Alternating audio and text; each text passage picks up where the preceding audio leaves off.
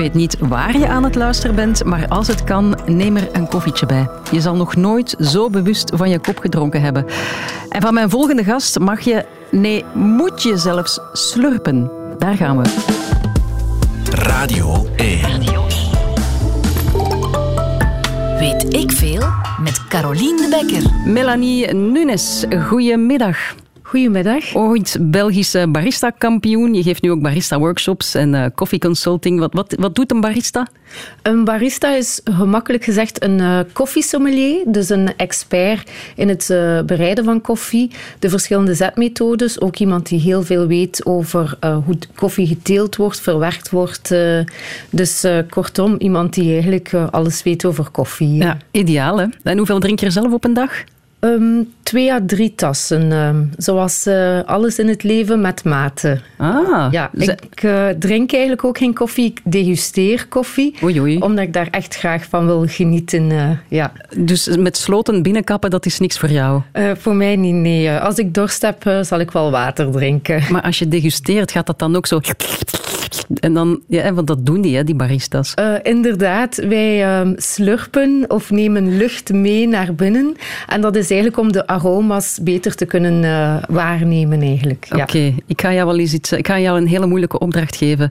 Wil je slurpen van de koffiemachines van de VRT?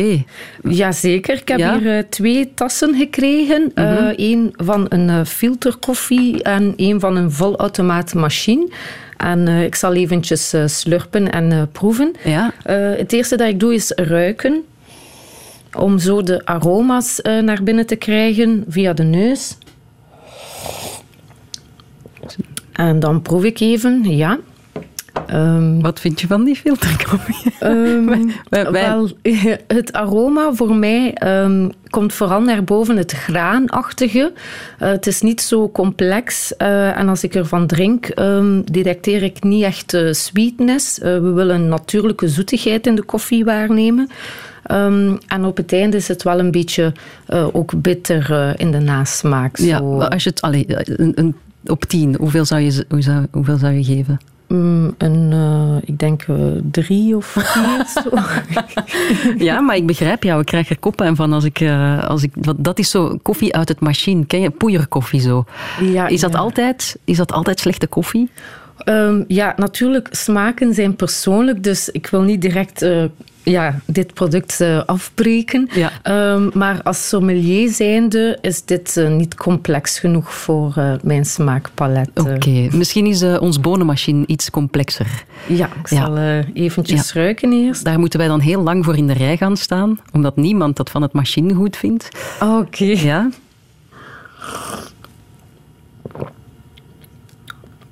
Ja, die is... Um, in bitterheid, de nasmaak is al een pak zachter. Dus veel aangenamer.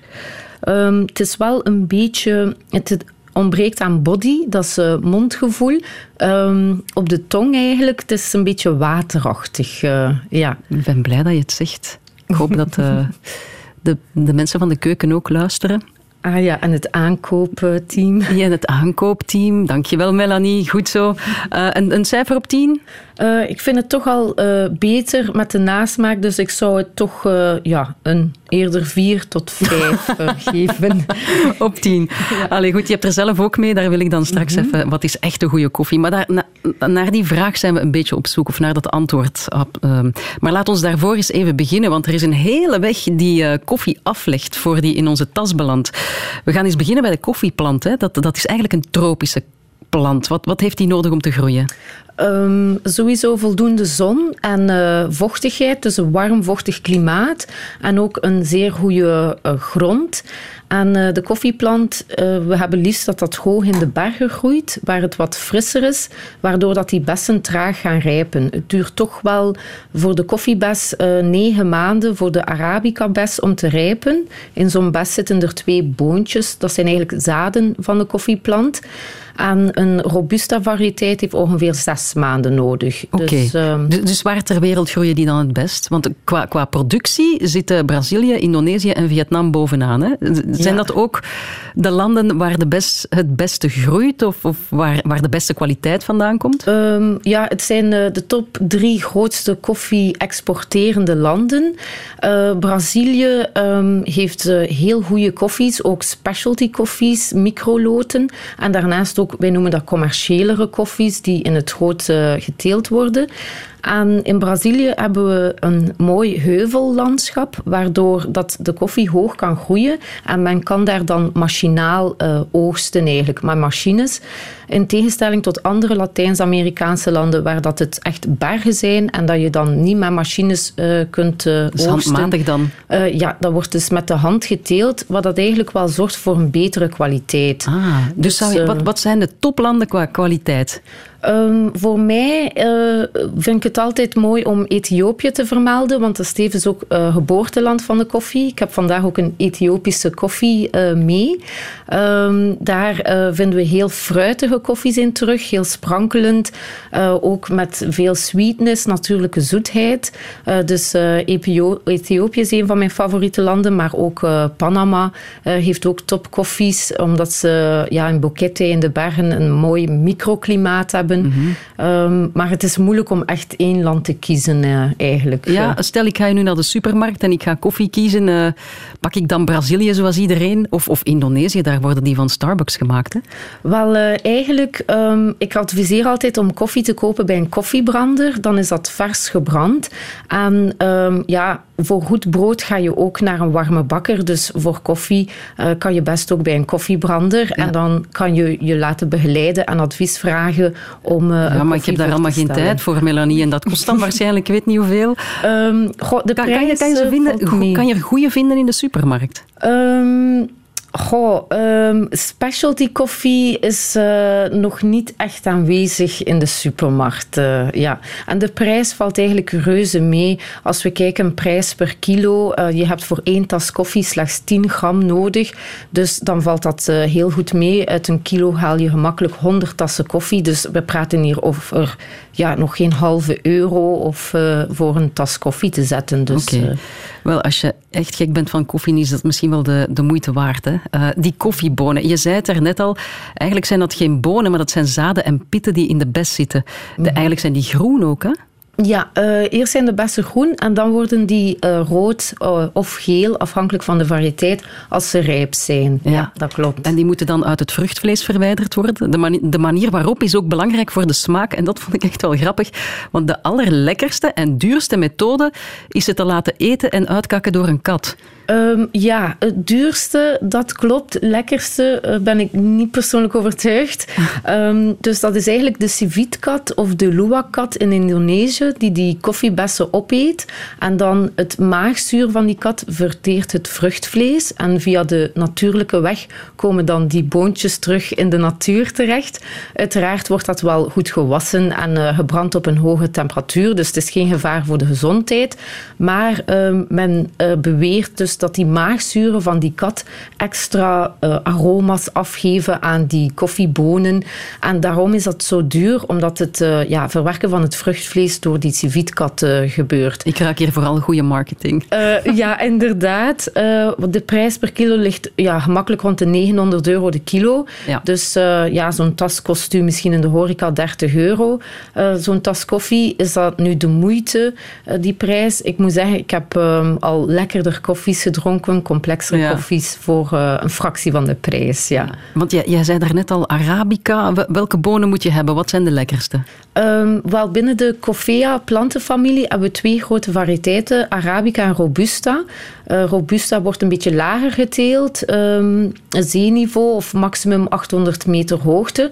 Die bessen worden rijp op zes maanden, dat is uh, dus iets sneller en dat is minder complex. Dat bevat ook dubbel zoveel cafeïne, uh, Robusta koffie, dan Arabica. Dus dat heeft ook een bittere smaak. cafeïne smaakt gewoon bitter.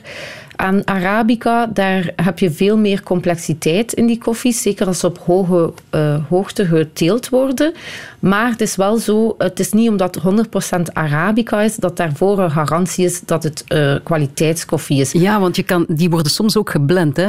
gemixt met elkaar. Dan, dan, want je kan ook kiezen tussen single origin of een blend. Dat klopt, uh, ja. Een blend is eigenlijk uh, verschillende koffieorigines. Een koffiebrander heeft dat samengesteld om een consistente smaak te garanderen. Dus ze gaan eigenlijk origines van verschillende landen mixen, mm -hmm. om zo tot een mooie, ronde koffie koffie te komen dat toegankelijk is voor het grote publiek. Ja. Een uh, single origin is van een bepaald land. We kunnen dat volledig traceren naar de streek, naar de plantage. En dat is meer uitgesproken in smaak. En die zijn dan ook duurder waarschijnlijk, de single origins? Ja, omdat die uh, van uh, betere kwaliteit zijn. Okay. Ja, dat klopt. Goed, er valt zoveel over te zeggen. Hè. Um, we moeten, ja, wat moeten we weten over de over koffie en de manier waarop we die drinken, want dat verschilt ook van land tot land. De, de Turken en Grieken bijvoorbeeld, die hebben niet voor niks een koffiesnor. We gaan daar uh, zo dadelijk op door. Radio 1. This is, excuse me, a damn fine cup of coffee.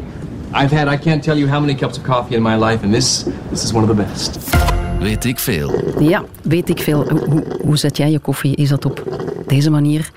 Lekkere filterkoffie, echte gezelligheid sijpelt er doorheen. Ik vind dit zo gezellig, dat geluid. Of is het eerder... Dit pijnlijke geluid aan de oren, cappuccino-machine. Kan je het herkennen, Melanie? Uh, ja, zeker. Ja, ja. Wat, wat is dit machine dan?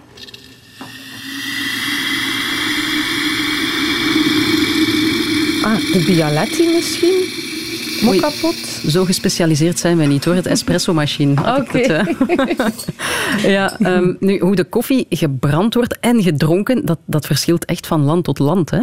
Ja, um, want klopt. je hebt dan ook nog eens um, licht gebrand, donker gebrand. Wat is het verschil tussen beide?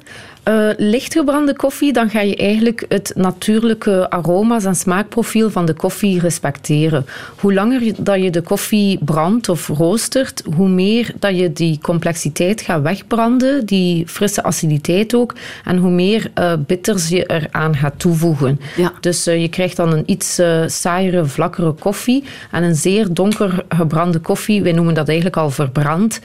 dat smaakt heel bitter eigenlijk. Ah ja, want in Zuiderse landen houden ze wel van, van die sterke, bittere koffie, hè? ja, dat klopt. Nu, um, om die bitters te temperen, voegen ze daar vaak suiker aan toe of gecondenseerde melk die heel zoet is. omdat dat puur eigenlijk uh, te hard is om te drinken uh, met al die bitters. Ah ja.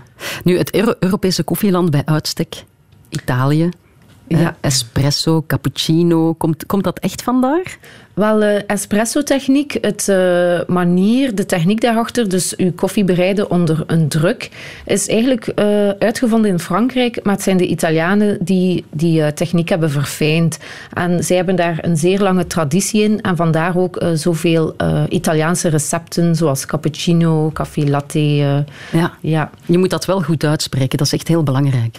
Nou, bijvoorbeeld cappuccino. Nee, ze niet goed. Die zeggen cappuccino. Cappuccino. Cappuccino.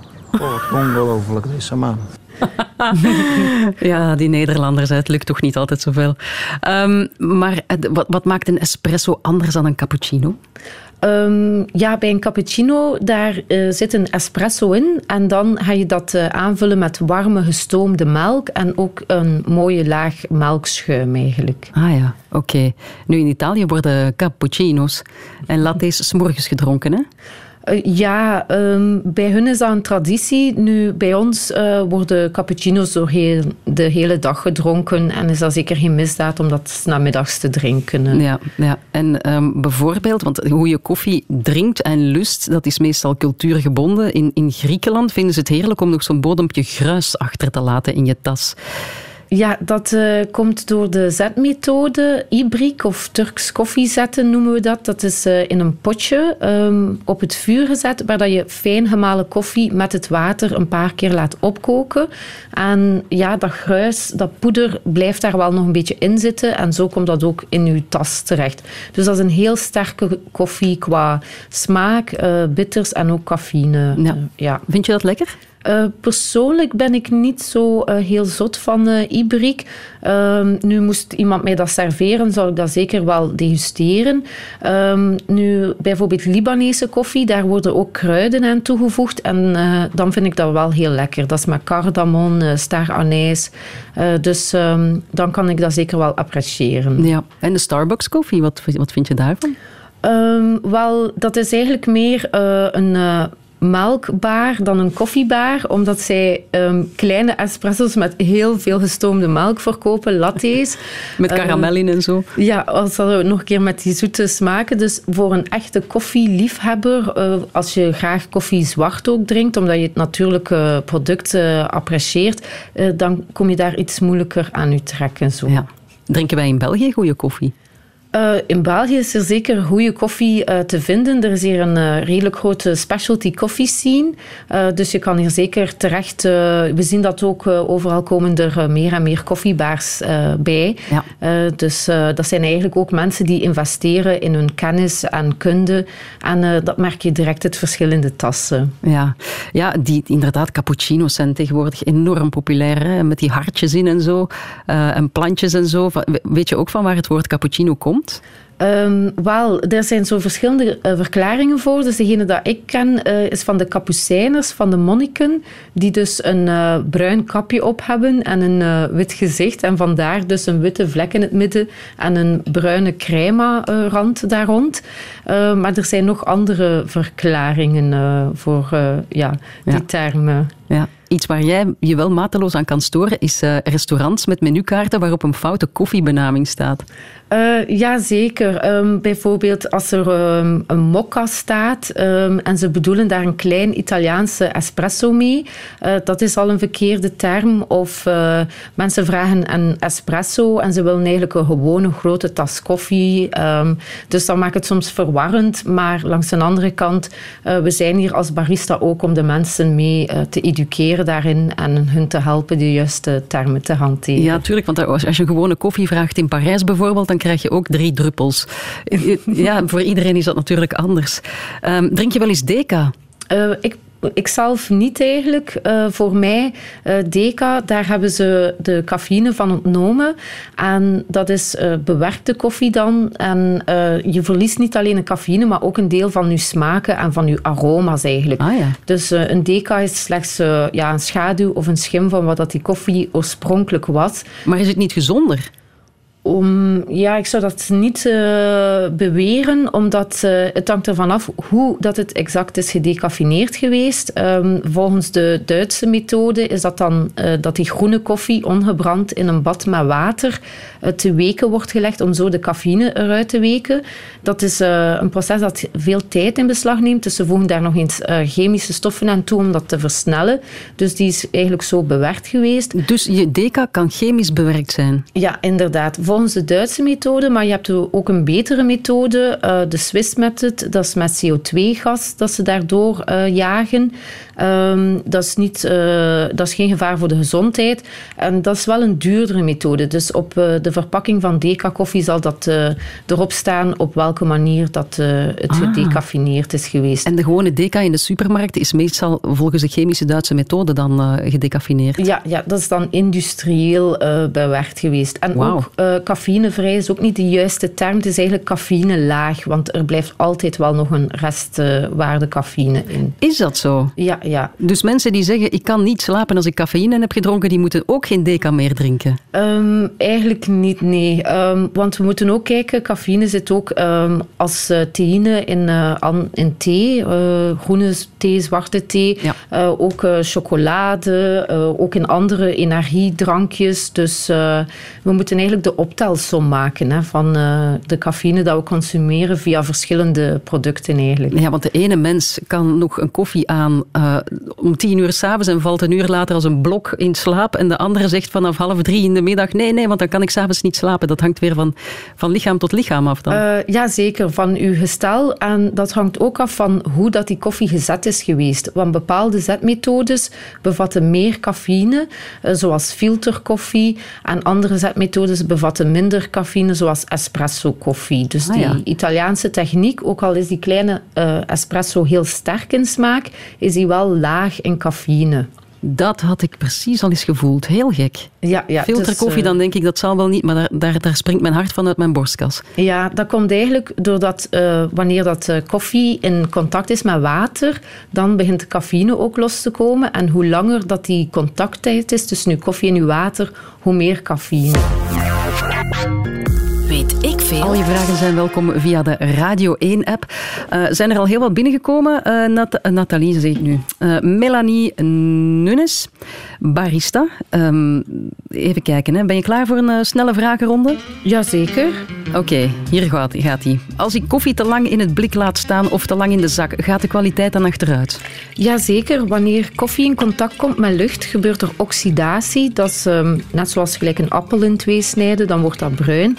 En dan gaat je koffie sneller achteruit. Dus het beste is eigenlijk om de koffie eh, in een, eh, de originele verpakking te laten, zoveel mogelijk het lucht eruit te knijpen en dan toe te doen met een clip of een eh, elastiek. Ah ja, dus in zo'n, zo'n hoe heet dat, zo'n tinnen doos van mijn oma? Ja, dat is minder geschikt eigenlijk, eh, omdat er daar te veel lucht eh, in zit. Ja, oké.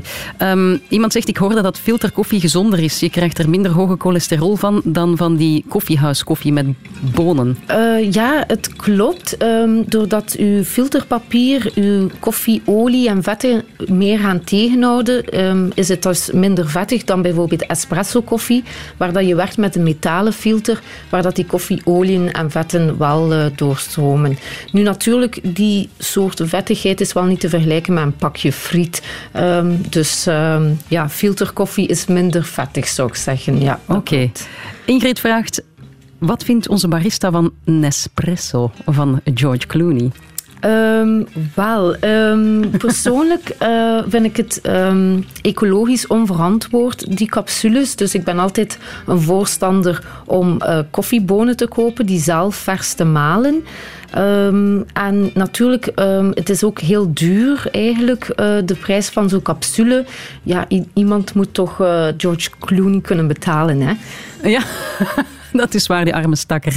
Eh, Dirk zegt dat mokka, dat is bij, mij bij hem blijven hangen. Mokka wordt soms verkeerdelijk op de menukaart gezet. Wat is dat dan? Eh, wel, Mokka refereert eigenlijk naar een stad in Ethiopië, een havenstad, waar dat er heel veel koffie verhandeld werd. En vroeger werd die term gebruikt door mensen om aan te geven dat ze kwaliteitsvolle koffie van Ethiopië hadden. Ik heb Mokka-koffie in huis. Maar vandaag de dag, Mokka is eh, precies om aan te geven, er zit koffie in. Dus je hebt Mokka-ijs of een Mokka-milkshake en daar eh, is koffie aanwezig.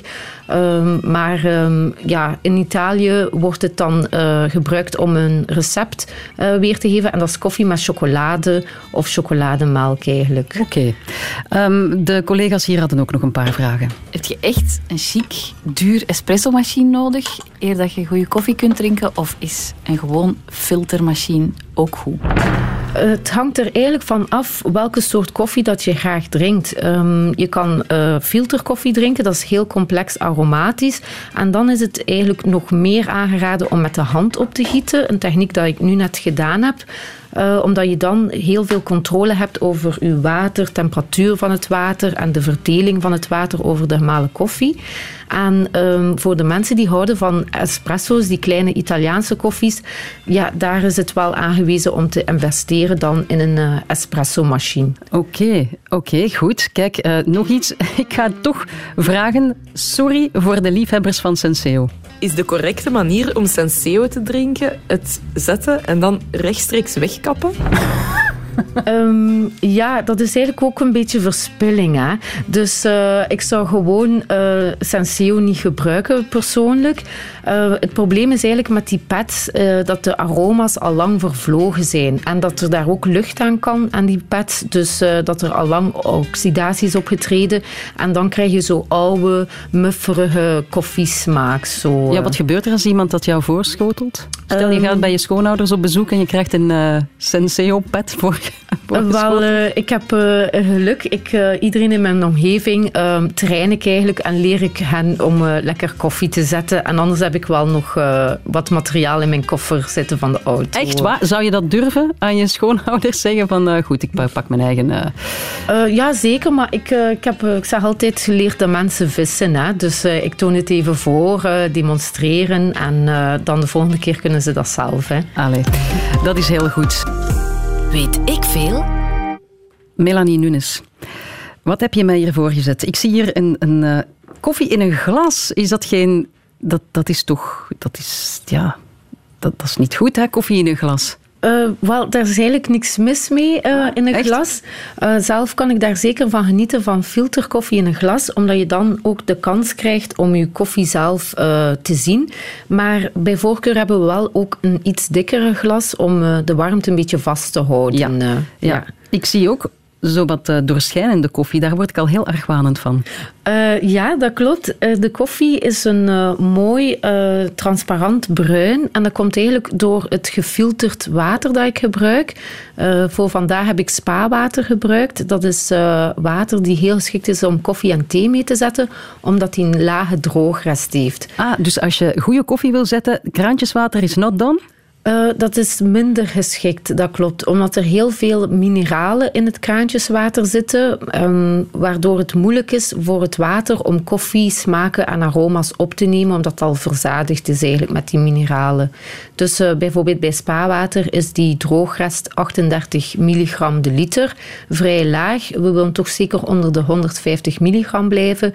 Dus dan is het gemakkelijker voor het water om al die koffiesmaken en aroma's op te nemen. Oké. Okay.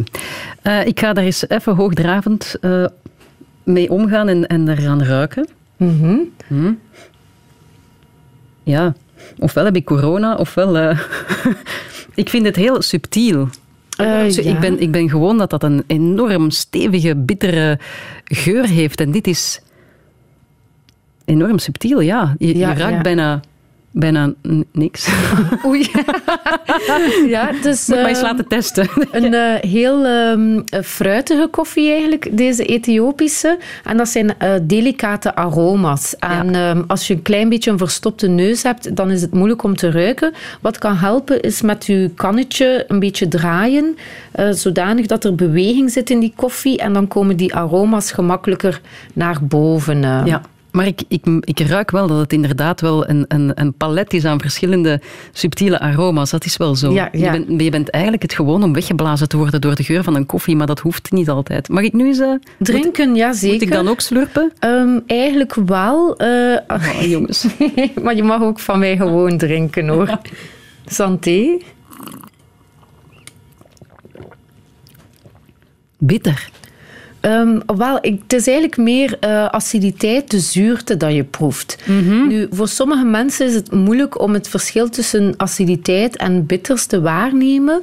Dus dit is um, tropisch fruit. Um, het zit allemaal achteraan op de tong, ja. Ja, ja en dat zorgt voor uh, speekselproductie. Dus uh, we noemen dat dan een heel frisse en sappige koffie. Ja. Terwijl dat bitters eigenlijk meer aanvoelen als schuurpapier en de tong uitdrogen. Ja, klopt. Droogt. Uh, ja, dat ja. is inderdaad zo. Ik vind hem wel lekker. Ja, dus is, um, heeft veel aciditeit, is heel fruitig en uh, daardoor heel sappig uh, in de mond. Zo. Ja, ik voel het ook. Komt uh, wat, sorry, voor, sorry daarvoor, maar wat speekselproductie op gang. het is, het is een, een koffie uit het geboorteland van de koffie Ethiopië. Ik heb gelezen dat de, de legende zegt dat, uh, dat dit komt van een geitenherder die zag dat zijn geiten opgewonden werden bij het eten van de koffiebes en dat die zo langzaam verspreid is, dat het daar is begonnen eigenlijk, de verspreiding van de koffie. Ja, dat is uh, een legende vanuit de 17e eeuw over de geitenhoeder Kaldi inderdaad. Die merkte dat zijn geiten opvallend energiek en actief werden na het eten van die koffiebessen. En dan zijn er eigenlijk verschillende versies eh, van die legende, een monnik, eh, zou dat verhaal opgevangen hebben. En hij vond dat duivels. Dus heeft hij die bessen in het vuur gesmeten. En dat zou dan een geur verspreid hebben van gebrande koffie, dat zo heerlijk was. En zo zou men beginnen koffie branden. Oké, maar het waren de Arabieren die eh, voor het eerst koffie verhandelden, hè? Ja, dat klopt. Vanuit Jemen, die ehm, koffie meebrachten naar Europa eigenlijk. Ehm, en dan werd dat hier in Europa in eh, literatuurhuizen, de eerste koffiehuizen. eh, zeker in Oostenrijk was dat heel populair met conditorij. Werd eh, koffie als een luxe product geconsumeerd. Maar eigenlijk vandaag de dag is het nog steeds een luxe product, hè, koffie. Ja, ja, dus spreken dan de 19e eeuw, hè, die literaire koffiehuizen. Eh, Want het werd pas populair in de 20e eeuw. Want eigenlijk daarvoor was het, ja, inderdaad, een beetje een elitair product. Ja, ja eh, exclusief, eh, exotisch product, wat het nog altijd is vandaag. En dan eh, in de 20e eeuw werd het zo bij het groter publiek populair. En ehm, mensen begonnen ook thuis koffie te branden eigenlijk. Dus ze hadden zelf toegang tot heel vers gebrande koffie. Ehm, maar dan in sommige landen is dat verboden geweest, wegens brandgevaar ook. En zijn meer de kruideniers die rol beginnen op zich nemen van koffie te branden. En vandaag de dag zijn dat echt professionele koffiebranderijen eh, die ehm, ja, echt met eh, kennis en kunde eh, koffie branden. Ja, want supermarkten hebben nu ook hier en daar hun eigen branderijen. Ja, dat klopt. Dat komt eigenlijk vanuit die kruidenierstraditie dan. dat supermarkten dus ook vaak een eigen branderij hebben of een andere branderij laten branden voor hun Ja. private label dan. Ja, oké. Melanie, stel, ik wil thuis echt steengoede koffie eh, maken. Wat, wat tips voor, eh, voor mensen die het niveau van hun koffie naar boven willen halen? Wel, ehm, een eh, tas gemaakte koffie bestaat voor 98% uit water. Dus eh, ik zal eerst en vooral beginnen met eh, gefilterd water te gebruiken. Met een droogrest dus lager dan die 150 eh, milligram. En dan beginnen we met vers gebrande koffie te kopen. Dus eigenlijk koffie die maximum drie maanden oud is na branddatum. Ah ja. Dan heb je de meeste aroma's nog in je koffie.